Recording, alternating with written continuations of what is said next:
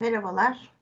Düşüne Düşüne programında Talip Küçükcan, Halime Kökçe ve Atilla Yaylı hocalarımızla beraberiz. Ben Meryem İlayda Atlas. Ee, programımıza 3 hafta ara verdik. Ee, bu yayını, bu kaydı belki yıllar sonra izleyecek insanlar için küçük bir hatırlatma yapmak istiyorum. 3 ee, hafta kadar evvel 6 e, Şubat 2023 tarihinde Türkiye'de e, acı bir sabaha uyandı. Kahramanmaraş merkezi iki büyük deprem yaşandı. Ve bu depremde şu anki sayılar itibariyle yaklaşık 45 bin canımızı kaybettik. E, bu sebeple tabii ki Türkiye'nin bütün gündemi dondu. Bütün gündem deprem oldu. Ve bizler de programımızı yapmadık. Daha ziyade hem e, buradaki e, Times of Türkiye platformundaki bütün programlarıyla beraber Türkiye'de e, her tür e, gündem deprem oldu. E, zira bizim çoğunlukla iç siyaset konuştuğumuz bir program olarak e, artık e, sözlerin bittiği, tükendiği bir noktadaydık. Times of Türkiye platformu deprem bölgesindeydi. Oradan özel yayınlar yaptı. Talip hocamız ve Halim hocamız, hatta Halim hocamız iki kere olmak üzere bölgeye gittiler e, ve orada izlenimlerini de alacağız onların. E, deprem gerçekten asrın felaketi olarak adlandırılıyor. Şu anda 11 ili vurdu ve milyonlarca insan etkilendi. E, yüz binlerce insan bölgeden e, tahliye edildi. Yüz binlerce insan enkaz altından çıkarıldı. On binlerce canımız da e, kaybedildi. E, tabii depremle beraber konuşulması gereken çok konu var.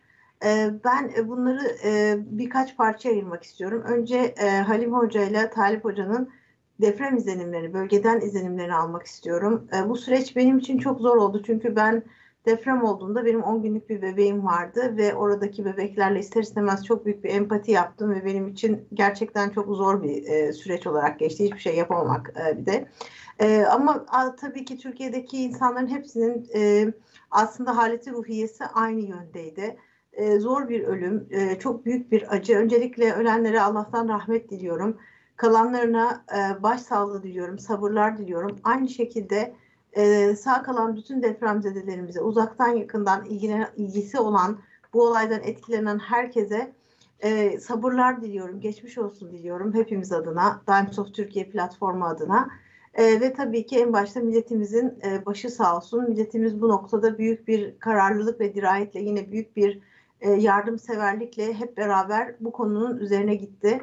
Şu anda yaralarımızı sarmaya çalışıyoruz. Şu anda çok fazla e, bu konu üzerinde hani e, demagojik olarak konuşmak da doğru değil. E, toplumsal bir travma yaşıyoruz. Hepimiz çok etkilendik.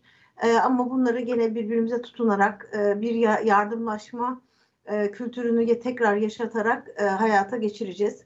E, dediğim gibi önce Halime Hoca ve Talip Hoca'nın izlenimleriyle daha sonra Atilla Hoca'nın bize aslında toplumsal olarak bir yön vermesiyle e, devam etmek istiyorum. Kendim de birkaç noktaya değineceğim. O noktaları hemen açayım. Belki hocalarımız da değinmek ister.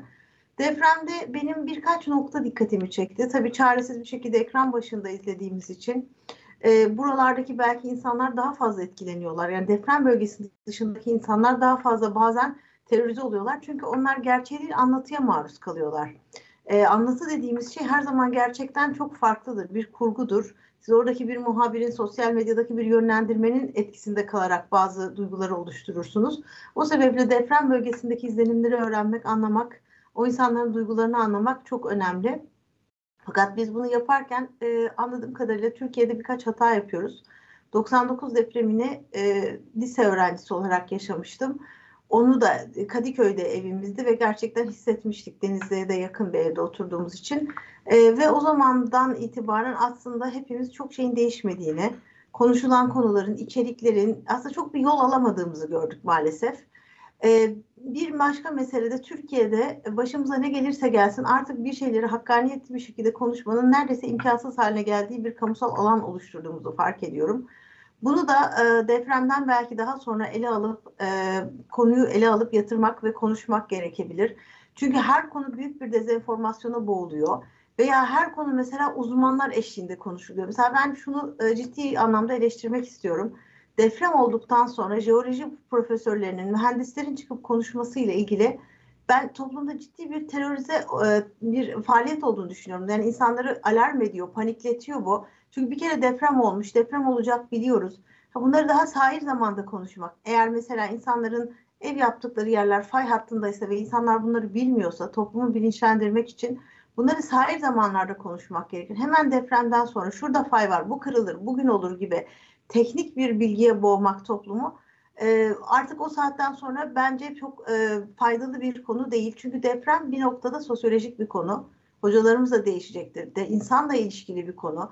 E, ve dolayısıyla arama kurtarma meselesinden enkaz, enkaz yönetimine kadar her tür konunun bir sosyolojisi var ve bunları düşünmek, şehir şehirlerle ilgili ilişkileri düşünsenize insanların bir tek yakınları kaybolmuyor, hatıraları da kayboluyor, sokaklar kayboluyor, şehirler kayboluyor. Bütün bunlar içerisinde fay hatları üzerinde konuşulan böyle elinde çubukla e, hocalar bence ne kadar sadra şifadır onu bilemiyorum. İkincisi de dediğim gibi biz Türkiye'de hani bunu başka ülkelerde de büyük bir sorun. Biliyorsunuz Amerikan seçimleri için de bu problem.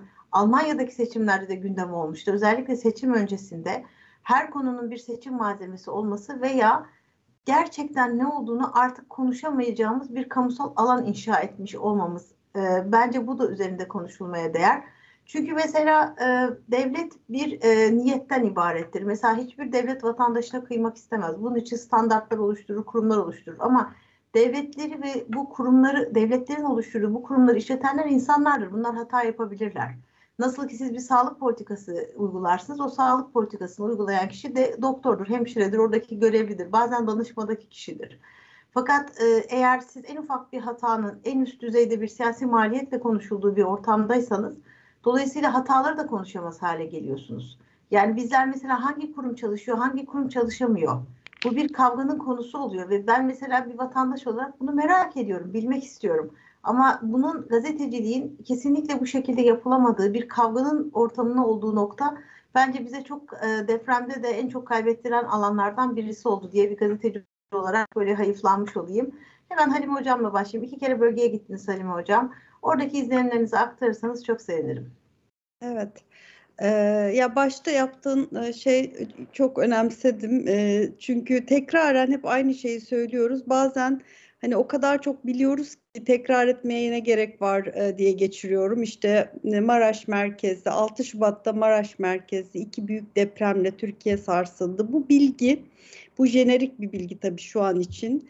E, ama e, bizim için tarihi bir an, bir milat. E, dolayısıyla bu kaydı belki yıllar sonra birileri, madem hani dijital e, alan böyle bir alan, e, bunu tekrar etmek. Yani bu şiddeti, ne yaşadığımızı, 6 Şubat'ta bizim ne yaşadığımızı her söze başlarken bir zikretmek gerekiyor gerçekten. O kadar büyük bir şey yaşadık ki artık yani işte Talip Hoca ile beraber gittiğimizde de gördük defaatla. Yani ekranlarda da az çok yani bir şekilde anlaşılıyor ama hani gidip görünce orada işte bulununca yani deprem ötesi bir şey olduğunu idrak ediyorsunuz. Zaten insanlarla konuştuğunuzda da yani insanlar deprem diyemiyorlar bu yaşadıkları şeye. Yani yerle yeryüzündeki şeylerin böyle allak bullak olduğu, kaynadığı kıyamet senaryosu gibi bir şey anlatıyorlar size. Dolayısıyla yani bu şiddet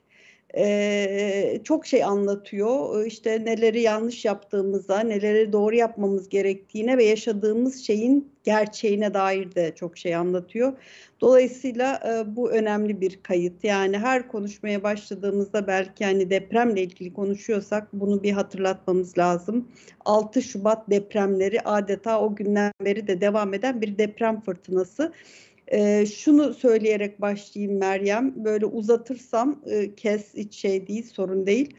E, iki deprem aynı gün içerisinde iki deprem 6.7, 6.7, 7.6 bu görülmüş bir şey değil kuşkusuz.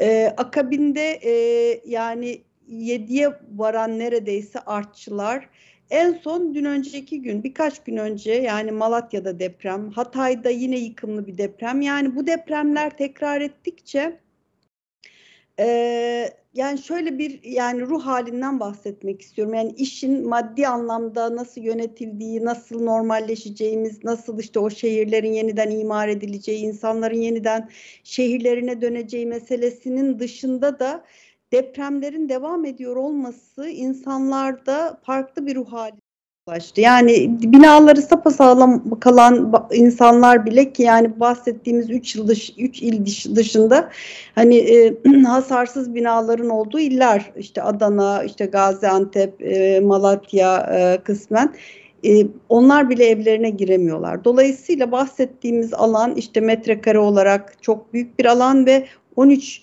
milyon insanı etkileyen bir depremden söz ettiğimizde sadece yıkılan binalardan ya da oturulamaz olan binalardan bahsetmiş olmuyoruz. Bunun çok net anlaşılması gerekiyor. Bence şu anda hali hazırda 2 milyon insan şehir dış yani deprem alanının dışında e, barındırılıyor. Dolayısıyla çok büyük bir nüfus alanından bahsediyoruz. Nüfustan bahsediyoruz. Depremden etkilenen. Bu çok gerçekten hani nerede oldu böyle bir şey e, bir ben bilmiyorum açıkçası. Şimdi birkaç şeyden daha söz etmek istiyorum. Biz önce 8. günüydü.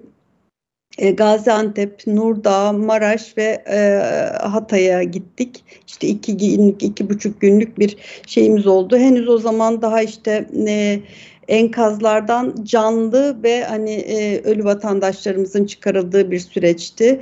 Çok sıcaktı, çok acılıydı. İşte e, beraber e, cenazeleri bekledik bazı vatandaşlarımızla. E, ben bunun üzerinden işte yani üçüncü haftasında yeniden gittim. Bu sefer başka bir gündemle gitmiştim. Yani ikisinde de tabii bir gazeteci olarak yazdım da izlenimlerimi. Ee, bir işte orada çadır kentleri gezdik e, Meryem Hocam. Ee, yani senin o duygusallığını da çok iyi anlıyorum. Yani yeni anne olmanın verdiği duygusallıkla anneler her yerde aynı. Orada işte küçücük çocuklar olan e, annelerle de karşılaştık. E, bir psikodestek grubuyla gönüllü olarak e, oradaki işte çocuklara ve kadınlara psikolojik destek olmak için giden, çocuklarla oyunlar oynayan, etkinlikler yapan e, bir işte kadın grubuyla e, iki günlük bir e, şeyimiz oldu çadır kentlerde. E, bu sefer de başka bir şey görmüş oldum orada. Onları da not etmeye çalıştım. Yani çocukların ayrı bir psikolojisi var, kadınların ayrı bir psikolojisi var. Çok önemsedim. Mesela ergenler yani çocuklar dışarıda, kadınlar çadırların önünde ama ergenler hiç yok. Yani bir aile bakıyorsunuz hani anlıyorsunuz ki bunun işte 15-20 yaş arası da çocuğu var ya da 15-16-17 yaş. O, o çocukları hiç göremiyorsunuz. Onlar henüz çadırlardan bile dışarıya çıkmıyorlar. Yani böyle e, kas katı kesilmiş bir genç nüfus da var. Hani onları da ayrıca dikkate almak gerekiyor. Genelde işte çocuk, deprem çocuk, deprem kadın başlıkları açıyoruz. Bunu ben çok net hissettim. Ee, bunu bir, bir, bir defa daha burada ifade etmek istiyorum. Çocuklar e, her şeye rağmen işte dokunduğunuzda işte ilgilendiğinizde bir şekilde gülebiliyorlar vesaire. Ama işte o gençler hiç yoklar bile ortalıkta. E, ve şu duygu çok şey yani bütün işte maddi ihtiyaçları karşılanıyor ama sonuç itibariyle e, çadırdalar ve her gün aynı şeyi yapıyorlar. Yani çocukları bir şekilde eğlendiriyorsunuz falan orada işte anneler babalar ee, yarın ne yapacağız, ertesi gün ne yapacağız tekrar eden bir şey. Dolayısıyla bu psikolojinin de yönetilmesi gerekiyor. Yani hasılı kelam hani şunu söyleyeyim, e, tekrar söz gelecek diye umut ediyorum. Ee, uzun bir süreç. Yani e, işte bir ekonomisiyle işte yeniden konutlarıyla vesaireleriyle o şehirlerin hayat bulması yani tamamen eskiye dönmekten bahsetmiyorum tabii ki o çok daha uzun bir zaman alacaktır ama e, yani bir yıl bir buçuk yıl içinde e, işte kısmen sarmaya çalıştığımız yaralar var. E, bu hiçbir insan e, yapımı, sistemin, e, kolayca baş edebileceği bir şey değil. Çok pardon. Yani biraz bunu bilerek e, konuşmak e, gerektiğini düşünüyorum. E, ve tabii ki hani şunu da e, yani belki işte Atilla hocamız bahseder yani sosyolojik bir e, şey var. Yani biz depremden konuştuğumuzda belki ilk etapta işte binalardan konuşuyoruz ve sen çok yani hak veriyorum. İşte hani jeofizikçiler, yer bilimciler vesaire çıkıp konuşuyorlar. E, ama deprem dediğimiz şey ne sadece mühendislerle ne sadece kusur bazında konuştuğumuzda bile ne sadece müteahhitlerle ya da işte e, yapı denetimcilerle o işte binalara ruhsat veren insanlarla ilişkili de değil. Yani bizzat o konutlarda yaşayan insanlarla da ilişkili bir şey ve dolayısıyla işte işin içinde disiplin var. E, çünkü insan var. Yani bizim şimdi önümüzde yeni bir süreç var. İstanbul depremini konuşuyoruz. E, ve işte siyasilerden e, işte bundan sonra ne olacağına dair değil mi? Bu bir milatsa bundan sonra ne olacağına dair e, sözler duymak istiyoruz. Burada canlı tutmamız gereken iki şey var bence. Bu çok çok önemli. Hem bu sürecin uzun ol, olacak olması ve e, yaklaşık 2-3 milyon insanın bakılacak olması yani hiç çalışmayan geliri olmayan 2-3 milyon insanı biz çadırlarda konteyner kentlerde bakacağız. Bu uzun soluklu bir yardımlaşma ve dayanışmayı gerektiriyor. Bu bir ikincisi de madem depremi artık idrak ettik e, ya insanların işte 100 tane belki yani dairesi olan bir insanla aynı şeye e, yemek sırasında çadır kentte yaşayan insanlar var artık. Demek ki dünya malı dediğimiz şey bugün var yarın yok. Dolayısıyla bir metrekarenin iki metrekarenin bir katın hesabını yapmadan bu kentsel dönüşüm meselesini e, daha insan odaklı ve can odaklı bir şekilde ele almak gerekiyor diyeyim şimdilik e, burada keseyim evet. Meryem Hocam. Tabii yani hatırlayan çok büyük bir nüfus için e, yani şu anda 99 çok e, uzak bir tarih değil. 99 depremi de aslında bir milat olarak algılanmıştı ve öyle olmalıydı. Ama öyle olmadığını görüyoruz. Yapı stoğu birçok yerde 99'daki deprem yönetmeliğinden sonra oluşturulmuş olan yapı stoğunda ciddi e, yıkımlar görüldü. Bunun dediği gibi Halim Hocam'ın çok boyutlu bir yanı var. İnsanları da ilgilendiren, e, kat sahiplerini, mal sahiplerini de ilgilendiren bir yanı var. Talip Hocam'la devam edeyim. Hocam buyurun siz de bölgedeydiniz. O anlamdaki, oradaki izlenimlerinizi bizimle paylaşın. 6 Şubat depremleri hem ölçeği hem de etkileri itibariyle bakıldığında e, artık 6 Şubat'tan önce Türkiye, 6 Şubat'tan sonra Türkiye şeklinde konuşmamız gereken e, çok büyük bir olay. Ee, ölçeğe ve etkileri itibariyle baktığımızda da oradaki insanların kendi sözleriyle ifadeleri burada küçük kıyamet koptu ifadesini kullanan vatandaşlarımız oldu. Yani o kadar e, büyük bir e, depremle karşı karşıya kaldılar. Şöyle ifade edelim, hani gözümüze gördüğümüz için ben 1999 depreminden hemen sonra bölgeye gidip yaklaşık bir ay o bölgede kalıp e, bir takım sosyolojik araştırmalar yapmıştım. Dolayısıyla biraz kıyaslama imkanı var. Şimdi biz Gaziantep'e indik. Sonra Nurdağ'a, Kahramanmaraş'a ve oradan da Hatay'a geçtik. Orada gördüğüm manzara 1999'da e, gördüğüm manzaradan çok daha vahimdi. Onu ifade etmekte yarar görüyorum. Yıkıntılar itibariyle, etkilenen insan sayısı itibariyle bunu söylüyorum. Örneğin Nurdağ'a gittiğimizde e, birkaç gün sonra hemen ilan edildi. Nurdağ artık tamamen bir ilçe başka yere taşınacak. Yani bütün bir ilçeden bahsediyoruz. Bunun köylerini bir tarafa bırakıyorum. Diğer yandan işte Maraş'a gittik. Maraş'ta yine eski Maraş'ın e, ne hale geldiğini hepimiz televizyonlardan izledik. Ama bakın televizyonla insanların kendi görmeleri, yaşayanlar zaten onların e, ifadeleri çok daha önemli bizim için ama biz e, televizyonlarda bir kare görüyoruz nihayetinde. Karenin dışındaki e, görüntüleri gözümüzün önüne hemen getiremiyoruz. Kameralar oraya e, yönelmediği sürece. Ama insan kendi gözüyle gördüğü zaman bir e, caddedeki, bir sokaktaki bütün binaların yerle bir olduğunu, üst üste e, çöktüğünü görünce e, durumun vehameti biraz daha iyi kavranabilir diye düşünüyorum. Yani bunları söylememin sebebi şu, çünkü müdahale ve benzeri konularla ilgili eleştiriler, değerlendirmeler de yapılması gerekiyor. O zaman bu ölçeği mutlaka göz önünde bulundurmamız gerekir diye düşünüyorum. Kahramanmaraş'tan Hatay'a karayoluyla gittik. Yaklaşık iki, iki buçuk saatlik bir yol burası. Ve sadece şehir merkezlerindeki yıkımdan bahsetmiyoruz burada. O iki buçuk saatlik yol esnasında da yolun hem sağında hem solunda taşra diye niteleyeceğimiz ilçeler ve köylerde yıkımın olmadığı yer yok. Şu ya da bu şekilde. Bazı yerlerde bayağı büyük yıkım var. Bazı yerlerde daha belki küçük ölçekli yıkımlar var ama her yerde yıkım var. Bunu şunun için anlatıyorum. Yani biliyorsunuz özellikle medyada siz de bahsettiniz dezenformasyonla ilgili olarak. Normalde böyle büyük acıların Türkiye'de herkesi birleştirmesi lazım. Hangi siyasi kanattan olursa olsun, hangi görüşten olursa olsun. Çünkü Halime Hanım aslında üstü kapalı olarak da söyledi.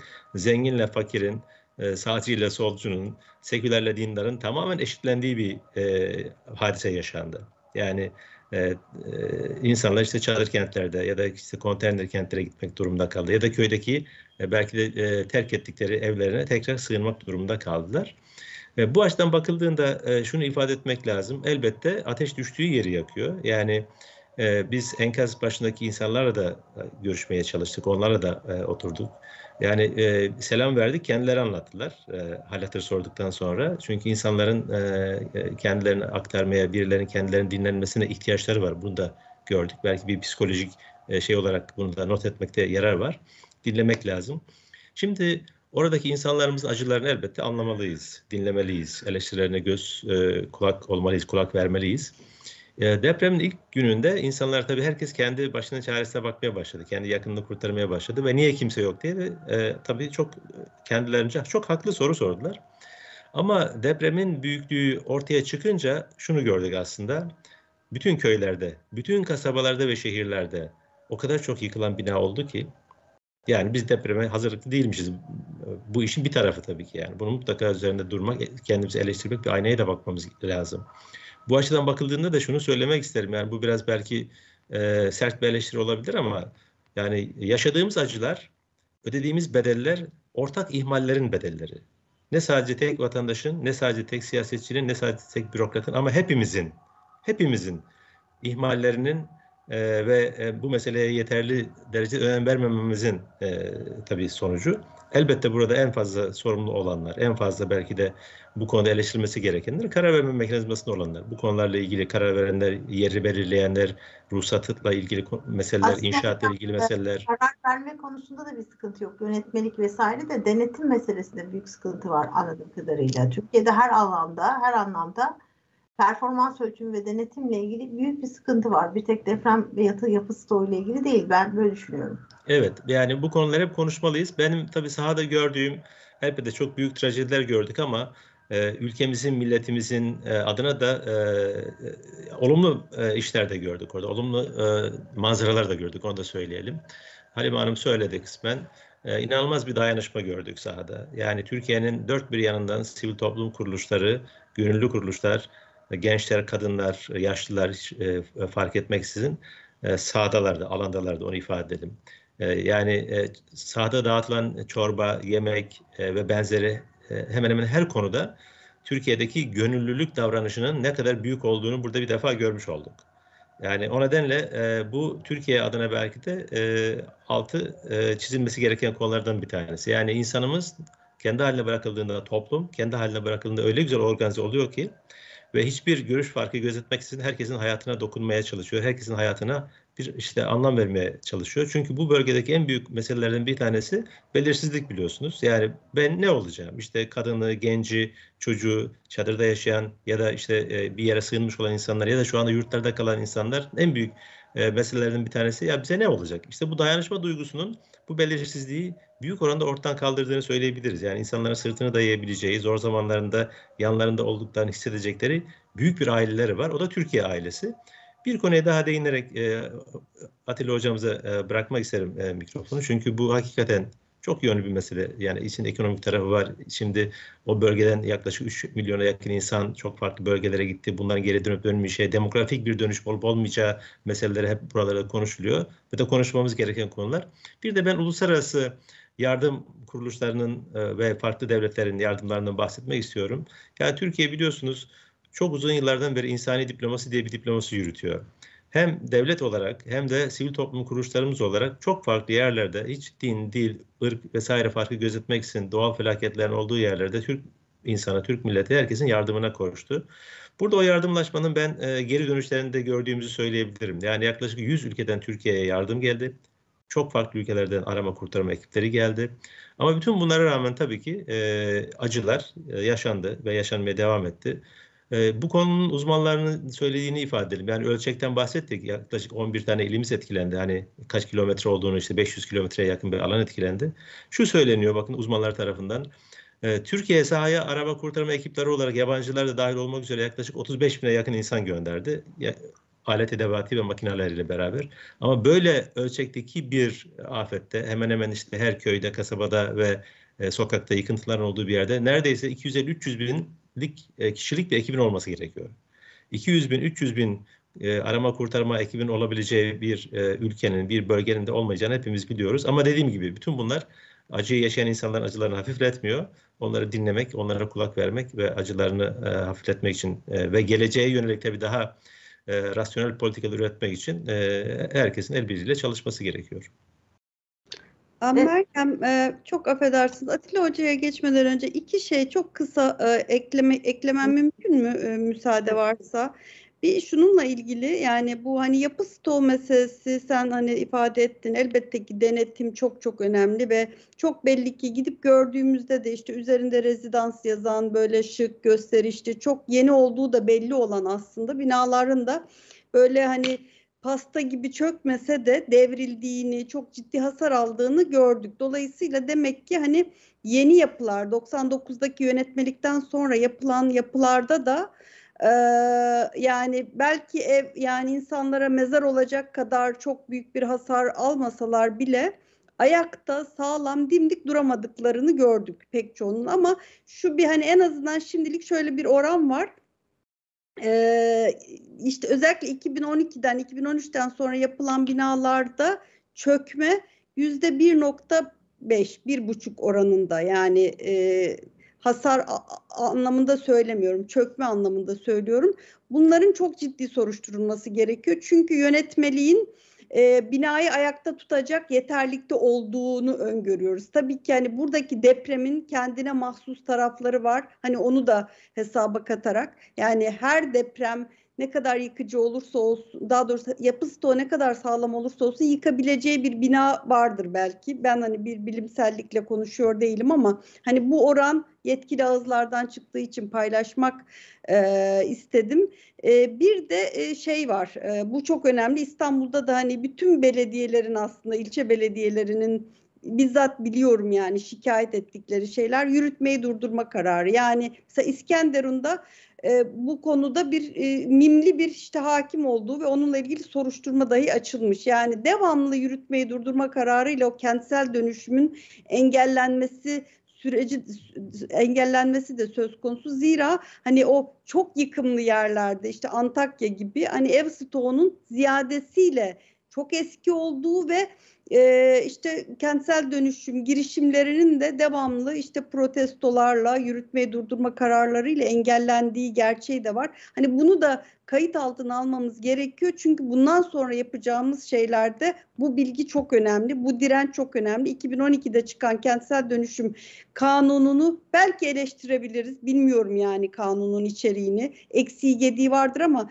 devamlı surette kentsel dönüşüm girişimlerinin engellenmesi meselesi de aslında biraz bugünkü manzaranın e, sebeplerinden birisi diye eklemek istedim. Kusura bakmayın. Yani insanlarda şu çok ciddi bir şüphe uyandırıyor. Aynı hat üstünde bir ev yıkılıyor ve diğeri tamamen ayakta.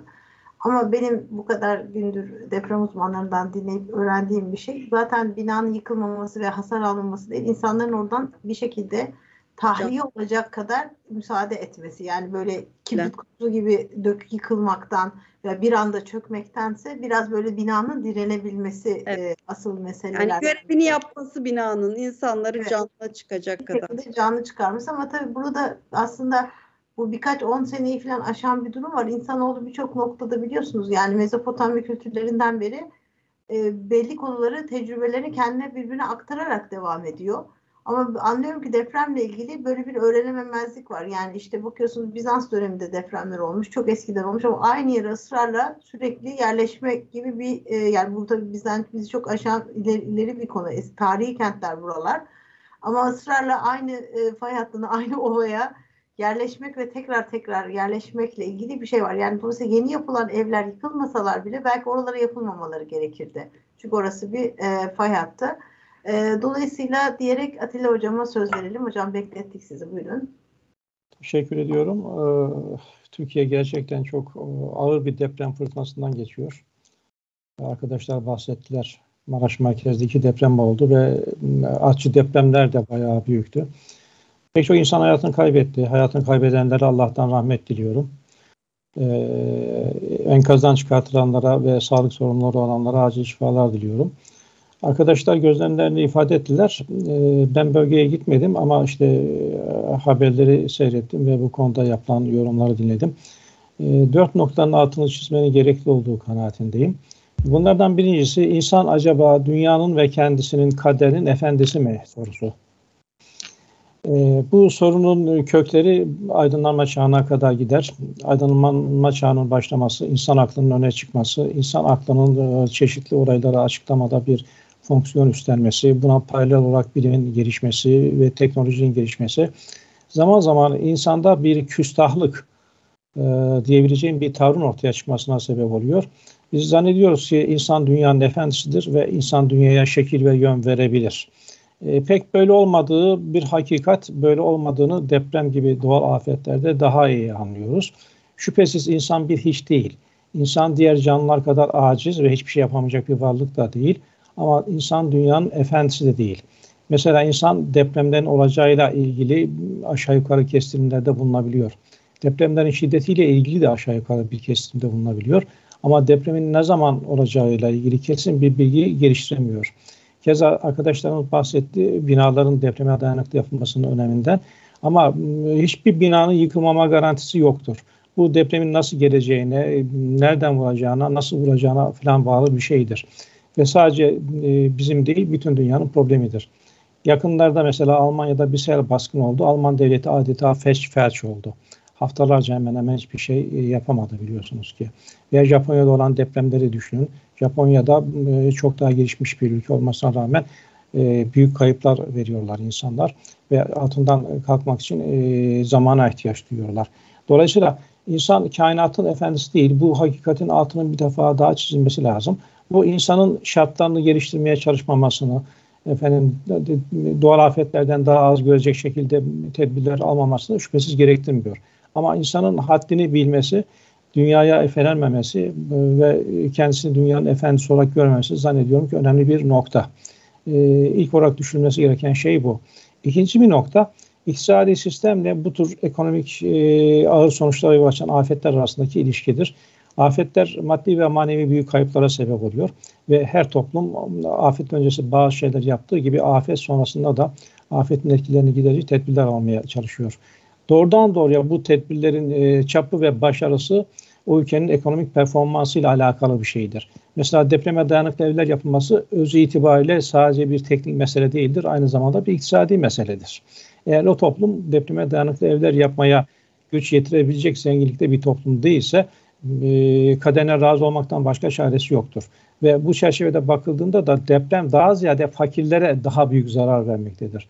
Mesela Japonya'da meydana gelen bir depremle Haiti'de meydana gelen bir depremin yarattığı tahribatın farklılığını düşünelim. Aynı şiddetteki bir deprem Haiti'yi e, alt üst ederken Japonya'da daha sınırlı bir tahribata sebep oluyor. Bunun sebebi ne? Bunun sebebi Japon toplumunun çok daha güçlü bir ekonomiye sahip bir toplum olarak depremi önleyecek konutlar yapmada daha fazla kaynaklar ayırabilmesi imkanıdır. Keza arkadaşlarımız kurtarma ekiplerinden bahsetti. 12 bin evin yıkıldığı düşünülüyor. 12 bin evin başına 50'şer kişilik eğer kurtarma ekibi gönderseniz 600 bin kişilik bir kurtarma ordusu gerekir. Dünyanın hiçbir ülkesinde 600 bin kişilik bir kurtarma ordusu yok. Ne Japonya'da ne de Amerika'da böyle bir ordu var. Dolayısıyla Türkiye 35-40 bin kişiye kadar çıkarttı kendi içinden gönderdiği ekipleri. Yurt dışından da zannediyorum 8-10 bin civarında insan geldi. Ama gönüllüleriyle beraber 250 bin kişiyi buldu depremin ilerleyen günlerinde. O bütün sahada görev yapanların sayısı evet. yalnız. Sadece kurtarma ekibinde görev olanların sayısı değil. Dolayısıyla istesek de istemesek de bir takım kayıplar olmak mecburiyetinde.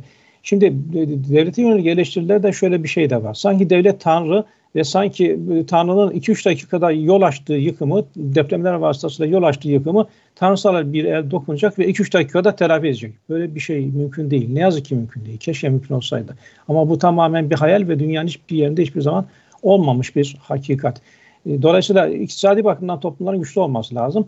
İktisadi bakımdan toplumların güçlü olması da piyasa ilişkilerinin gelişkin ve yaygın olmasına bağlıdır. Piyasa ilişkileri uzmanlaşmayı, sermayeyi artırarak, iş bölümünü artırarak, iş birliği kapasitesini artırarak toplumların e, sivil toplumunu güçlendirmekte ve bu tür afetlere müdahalede etkili hale gelmesine sebep olmaktadır. Bunu da altını çizmekte büyük bir fayda var. Yani mesela Haiti'de meydana gelen deprem aynı zamanda e, yıkım sebebi olarak oradan devletçi bir ülke olmasından da etkilenmiştir. Bir diğer problem depremin insanlar arasındaki ayrımların ne kadar önemsiz olduğunu göstermesi. Talip Bey kısmen işaret etti. Yani sağcı, solcu, Alevi, Sünni, Türk, Kürt, zengin, fakir, sosyoekonomik, sosyokültürel statü hiçbir şey fark etmiyor. E, deprem e, insanlara zarar verirken insanların bu özelliklerine bakmıyor. Demek ki bu konulardaki ayrımlar aslında suni ayrımlar. İnsanlığın belki de temel problemi bu, bu tür afetlerdir. Ve bu tür afetlere karşı bir birlik olmak gereklidir. Bu tür ayrımları bir tarafa atmak mecburiyeti vardır. Ama ne yazık ki özellikle Hatay üzerinden bu deprem süresince faaliyet gösteren bazı ve kişi bazı kişi ve grupların tutumu çok iğrençti, korkunçtu. Ee, mesela sadece Hatay üzerine odaklandılar ve Hatay'ın e, etnik ve mezhebi yapısı yüzünden hükümet tarafından ihmal edildiği yolunda iftiralar ortaya attılar. Bu da çok üzücü bir durum. Son olarak işaret etmek istediğim nokta ise devlete bakışla alakalı. Şimdi devlet nedir? Devlet gerekli midir, gereksiz midir şeklinde siyaset teorisinde bir sürü tartışmalar yapıyoruz. Malum anarşistler herhangi bir kamu otoritesinin gerekli olmadığı fikrini ortaya koyuyorlar. E, bu fikir e, geçtiğimiz yıllarda pandemi döneminde iflas etmiş bir fikirdi. Deprem bir defa daha bu fikrin iflas etmesine sebep oldu.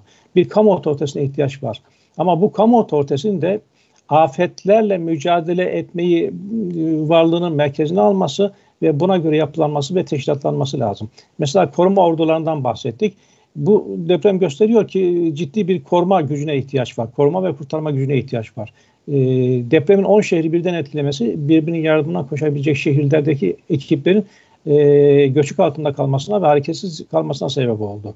Dolayısıyla Türkiye'de mesela belediyelerin temel görevlerinden birisi kurtarma ekipleri e, bünyesinde barındırmaktır. Tabi bu da iktisadi boyutu olan bir şey. Mesela 10 senede 20 senede bir meydana gelecek deprem için 300 kişiyi 500 kişi istihdam etmek iktisadi bakımdan çok rasyonel bir durum değil. Katlanılabilecek bir durum değil. Dolayısıyla depremle mücadelede kurtarma mücadelesinde, kurtarma çalışmalarında özellikle gönüllülük esas alınmalı. Ve mesela belediyede belli yaş kuşağında bulunan herkes belli bir eğitimden geçirilerek e, müstakbel afetlere karşı hazırlık içerisinde tutunmalıdır diye düşünüyorum. Bu olay bir defa daha göstermiştir ki bir devlete, bir kamu otoritesine ihtiyaç vardır. Bu kamu otoritesinin sınırları belki tartışılabilir. Sivil topluma ne kadar müdahale hakkına sahip olması gerektiği tartışılabilir. Ama tartışılamayacak bir şey özellikle Türkiye gibi afet ülkelerinde devletin ve bütün kamu otoritelerinin yani belediyelerin ve bütün e, devlet organlarının afetlerle potansiyel mücadeleye hazırlıklı olarak var olması ve ona göre e, gerekli tecrübatı e, almasıdır. Bu da herhalde önemli bir nokta olarak ortaya çıkmıştır diye düşünüyorum. E, şimdilik diyeceklerim bu kadar. E, daha sonra e, başka gözlemlerimi aktarmak arzusundayım. Meryem yine bir araya girebilir miyim? Ben Çok... de araya girmeden önce hemen sözü hem vereyim hem de ben de bir soru yönelteyim. En başta söylediğim e, aslında o konuya da biraz değinmenizi istiyorum. E, sosyal medyanın biraz yapısı gereği, biraz siyasetin aktığı yön gereği artık dünyada neredeyse hakikati konuşmanın imkansız bir hale gelmiş olması ile beraber e, mesela bir işte başta değindim bir deprem oluyor. Bazı kurumlar çalışıyor, çalışmıyor, devlet var yok vesaire. Bütün bunlar tartışılabilir ama bu tartışmayı bile yürütülen zemin çok sağlıksız bir hale geliyor. Dezenformasyon çok ön plana çıkıyor. İnsanların e, işte böyle adeta hani e, kelle almaya, kurumları itibarsızlaştırmaya, kişilere dönük e, siyasi e, kavgalar oluyor. Bu sefer belki insanlar gerçekten bir e, hakikati bir hatayı örtmek durumunda kalabiliyorlar ki gerçeği anlayamıyoruz. Ve bu bizim için gittikçe kangren olmuş bir probleme dönüyor. Ben depremde biraz bunu gördüm ve bu da gerçekten en büyük sorunlarımızdan birisi olduğunu, olmaya başladığını düşünüyorum. Biraz bu konuya da değinirsek Halim Hocam buyurunuz. Elbette ki yani şu vurgun çok önemliydi Meryem Hocam. Hani kamu yani kamu çok önemli bir şey değil mi? Yani hem kamu yararı diyoruz hem işte e, Atilla Hoca'nın ifade ettiği yani kamu otoritesi olmadan iş görebiliyor muyuz? Göremediğimizi de şey yaptık. Üstelik de hani hep o kamu otoritesini suçlayan da orayı suçladı. Yani demek ki kamu otoritesi, kamunun yararının gözetilmesi e, modern e, olsun olmasın bir devlet düzeni dediğimiz şey e, özellikle böyle olağanüstü dönemlerde ziyadesiyle e, önemli hale geliyor. E, şimdi bir taraftan da işte e, o dayanışma ruhu içerisinde aslında biz bir bir kamusallık da gördük değil mi? Hani bir her farklılığın e, nötralize olduğu bir yerdir bir tarafıyla ya da o halinizle yani bütün farklılıklarınızla e, ortaklaşabildiğiniz bir yerdir. Hani siyaset bilimi, sosyoloji vesaire içerisinde tanımladığımızda kamu biraz öyle bir şeydir. Burada bu felaket e, sürecinde e, biz inanılmaz bir dayanışma, kendiliğinden ortaya çıkan bir dayanışma gördük. Ama tam tersi bir şekilde sosyal e, ya da dijital alanda da buna belki katkı da sunan çünkü o o dayanışmayı çoğaltan bir işlevi de oldu sosyal medyanın ama bir taraftan da Meryem hocam o senin dediğin şey oradaki hani kamusal iyiliği, dayanışmayı nötralize eden ya da tam tersi duyguyu öne çıkartan e, ve insanları öfkelendiren bir işte dezenformasyon e, süreci oldu. En son mesela hani kulağıma çalınan ya da gördüğüm Cumhurbaşkanımızın e, Adıyamanlılardan ki yani e, ben bizzat hani belediye ilçe belediye başkanı var İstanbul'da işte Esenler Belediye Başkanımız e, Adıyamanlı, Sultan Gazi Belediye Başkanımız Adıyamanlı yani hepsi çok ciddi oranda yakınlarını kaybetmiş insanlar. Onlardan bizzat dinlediğim için hani orada ilk gün yaşanan acıyı gerçekten içeride işte e, yakınlarının sesini duyarak enkaz başında çaresizce bekleyen insanların e, sesini duyan iki kişiden bahsediyorum ben burada. İşte Sultan Gazi ve e, Esenler Belediye Başkanlarımızdan bahsederken dolayısıyla hani o acının ne kadar şiddetli bir şey olduğunu ve insanların hemen o an benim enkazıma birisi gelsin duygusunu ne kadar hani e, güçlü hissettiğini an, anlamamak mümkün değil. Anlıyorsunuz ama şunu da biliyoruz ki yani o insanlar kendi enkazlarını en fazla yanlarındaki enkazı görüyorlar o an. Ama İstanbul Türkiye'nin 10 şehrinde işte e, 6500 tane en az değil mi böyle e, şey var e, enkaz var. Hepsinin başında yakınlarını bekleyen insanlar var. Dolayısıyla buraya eş zamanlı olarak yani ilk günü eş zamanlı olarak e, ulaşmak imkansız. Yani bu bu gerçeği bu şekilde açıklıkla hani söylemek lazım. Yani bu soğukkanlılıkla da söyleyebilmek lazım. Artık en azından söyleyebilmeliyiz. Ee, keşke olabilse ama yani im, bu, bu imkansız. Bu, bunun bu duyguyla Cumhurbaşkanı işte bir işte helallik istedi Adıyamanlardan. Çünkü ziyadesiyle işte hani Hatay'ın çok sesi çıktı ee, ama asıl mağduriyet o ilk gün için mağduriyet belki işte e, Adıyaman'da gerçekleşti. Bu bilgi üzerinden yani bu helallik isteme e, üzerinden e, işte neden Adıyaman'dan diğer ilçe illerden değil de Adıyaman'dan helallik istedi? Çünkü Adıyaman'da işte menzil tarikatı var gibi bir şey mesela. Bu birisi bunu yazıyor ve inanılmaz bir şekilde dolaşıma giriyor. Buna birileri inanıyor, birileri inanmıyor, süzgeçten geçiriyor ama ortalıkta böyle onlarca binlerce aslı astarı olmayan şey var ve hani bunlar gerçekten o bahsettiğimiz o dayanışma ruhuna da işte halal getiriyor ve şunu da ben biliyorum biraz da böyle hani bizzat eşim de bir kurtarma ekibinde olduğu için biliyorum bu dezenformasyon kurtarma ekiplerinin bile çalışmasına zarar verecek kadar güçlüydü. Yani bir yere bir, bir şey geliyor, bir ihbar geliyor mesela. Hani gerçekten sıhhatli mi değil mi bilmeden çünkü can söz konusu.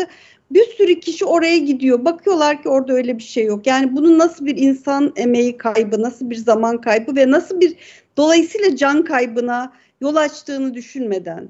Yani bu, bu bir de şey var. Yani İstanbul'daki sıcak ofislerinde ünlülerin de evet, ziyaret evet, ettiği yani iki tane koli bantlayarak e, zanneden, gazeteci zanneden kendi içerik üreticileri var.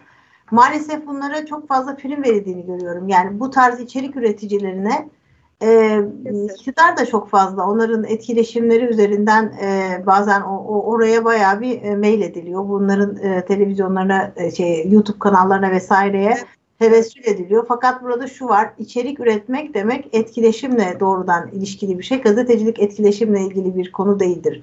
Gazetecilik belli etik prensiplerine yapılan bir meslektir.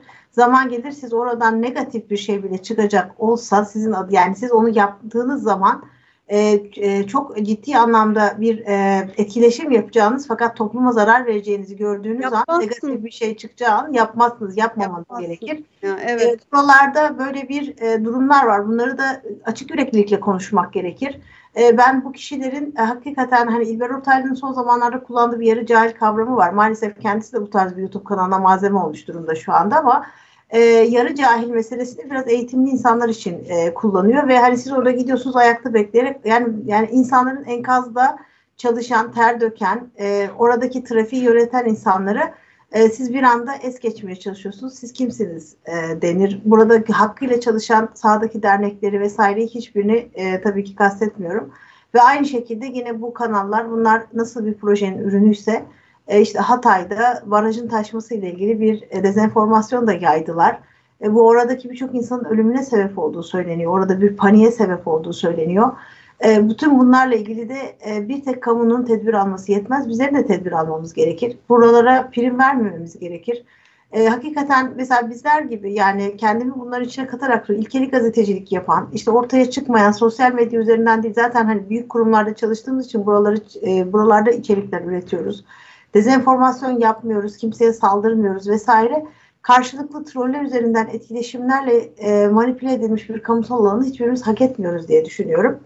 E, buna da hep beraber tepki vermek Ve de gözükmüyorsunuz bir de hani bu şey içerisinde sizin emeğiniz e, yani işte o pornografik tırnak içinde bir yayıncılık yapmadığınız için göstermemeniz gereken şeyi göstermeme hassasiyeti gösterdiğiniz için etkileşiminiz dolayısıyla gazeteciliğiniz de sorgulanıyor. Çünkü çok yani benim bir gazetecilik var. görünür evet. olmakla eş a, anlama şey gelmeye başladı. Bizim de ofislerimiz var. Bizim de altımızda editörler var. Bunlara deriz ki işte alın görüntüleri kopyalayın kopyalayın. Sosyal medyamdan sürekli bir e, şey yaparız. Ama bazen hani sahada değilseniz hani e, o an bir şeyin e, başka bir konunun içinde değilseniz ya da orada bir kendinizin çektiği orijinal bir görüntü yoksa onu almak, kopyalamak, çoğaltmak, etkileşim kasmak bu bir gazetecilik değil. Bazen de susup oturmak gerekebilir. Bazen kenarda durmak, belli bir şeyi, akışı yönetmek gerekir. Dolayısıyla ben hep aynı noktaya geliyorum sosyal medyaya bu kadar itibar vermemiz bizi çok e, zora sokuyor. E, bu konuyla ilgili yorum yapmak isteyen Atilla Hocam veya Talip Hocam e, sizleri de dinleyelim. Aslında bu konuyla ilgili çok e, söyleyecek şey var. Belki önümüzdeki haftalarda konuşuruz. Daha sistematik bir açılım yapmak gerekiyor. Yani Türkiye'de dezenformasyonun sebepleri nelerdir? Dezenformasyon nasıl tezahür etmektedir? Neden dezenformasyon hep belli kişilerden ve çevrelerden çıkmaktadır e, gibi konularda söylenecek şeyler var. Belki iki ayırmakta fayda var. Birinci kısmı olayın e, Halime Hanım'ın işaret ettiği gibi sıcaklığı anında ve kişisel acılar anında e, bir şeyler söyleyen, asla asla olmayan haberleri yayan kişiler e, söz konusu olabilir. E, bunlarınkini dezenformasyon faaliyeti olarak görmekten ziyade e, işte olayın sıcaklığı içerisindeki yanlış tavır olarak görmekte fayda var. Ama e, İstanbul'daki sıcak ofislerinde oturup sanki bölgedeymiş gibi e, yayın yapan ve asla asla olmayan haberler işte baraj yıkılıyor gibi mesela haberleri yayan bir e, kitle var. Bu kitleye dikkat ettiğiniz zaman bu kitlenin belli spesifik özellikleri olduğunu görüyorsunuz. Mesela bunlar kategorik muhalifler. Mesela bunlar deprem bölgesindeki faaliyetlerinde hükümetin toptan, topyekün her alanda, her konuda başarısız olduğu kanaatindeler. Halbuki bu halbuki durum böyle değil. Şüphesiz e, hükümetin daha iyi yapabileceği şeyler de vardı. Bunlar ayrıca değerlendirilir. Ama toptan e, karalama gibi faaliyet e, kabul edilecek faaliyet değil. Bir diğer şey mesela Sözcü Gazetesi ve Cumhuriyet Gazetesi. Yani bu çok tipik ilginç yayın organlar bunlar. Yani bunlar gazete değil dezenformasyon bülteni gibi çıkıyor adeta. Ama e, zannediyorum ki vaktimiz kalmadı fazla. Önümüzdeki haftalarda belki daha sistematik bir şekilde bu konu üzerinde dururuz düşüncesindeyim. Ee, Talip Hocam sizden de birkaç cümle alalım. Programımızın süresinde doldurduk.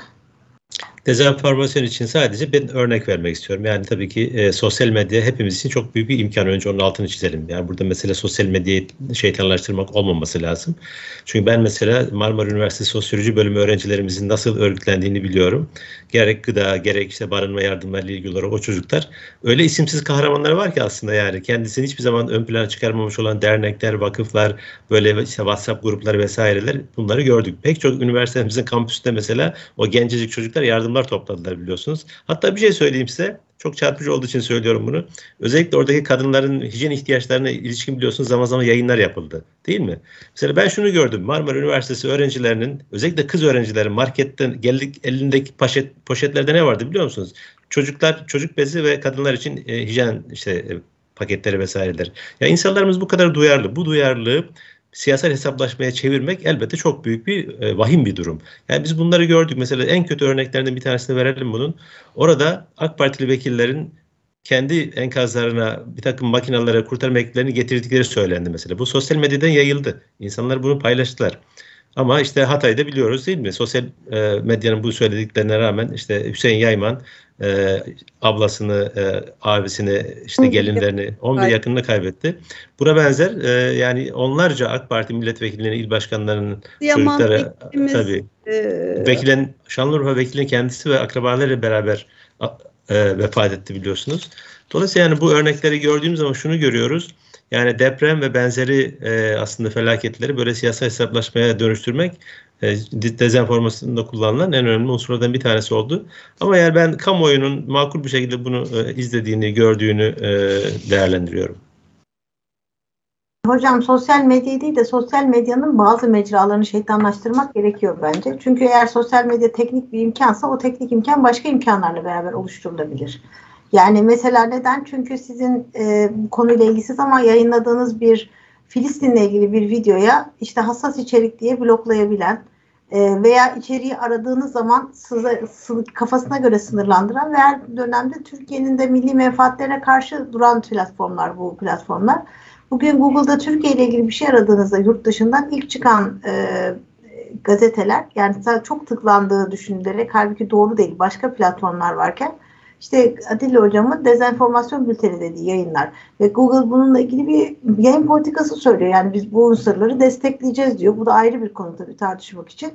Elbette sosyal medya bir teknik imkandır ama bu teknik imkan başka bir şekilde değerlendirilebilir.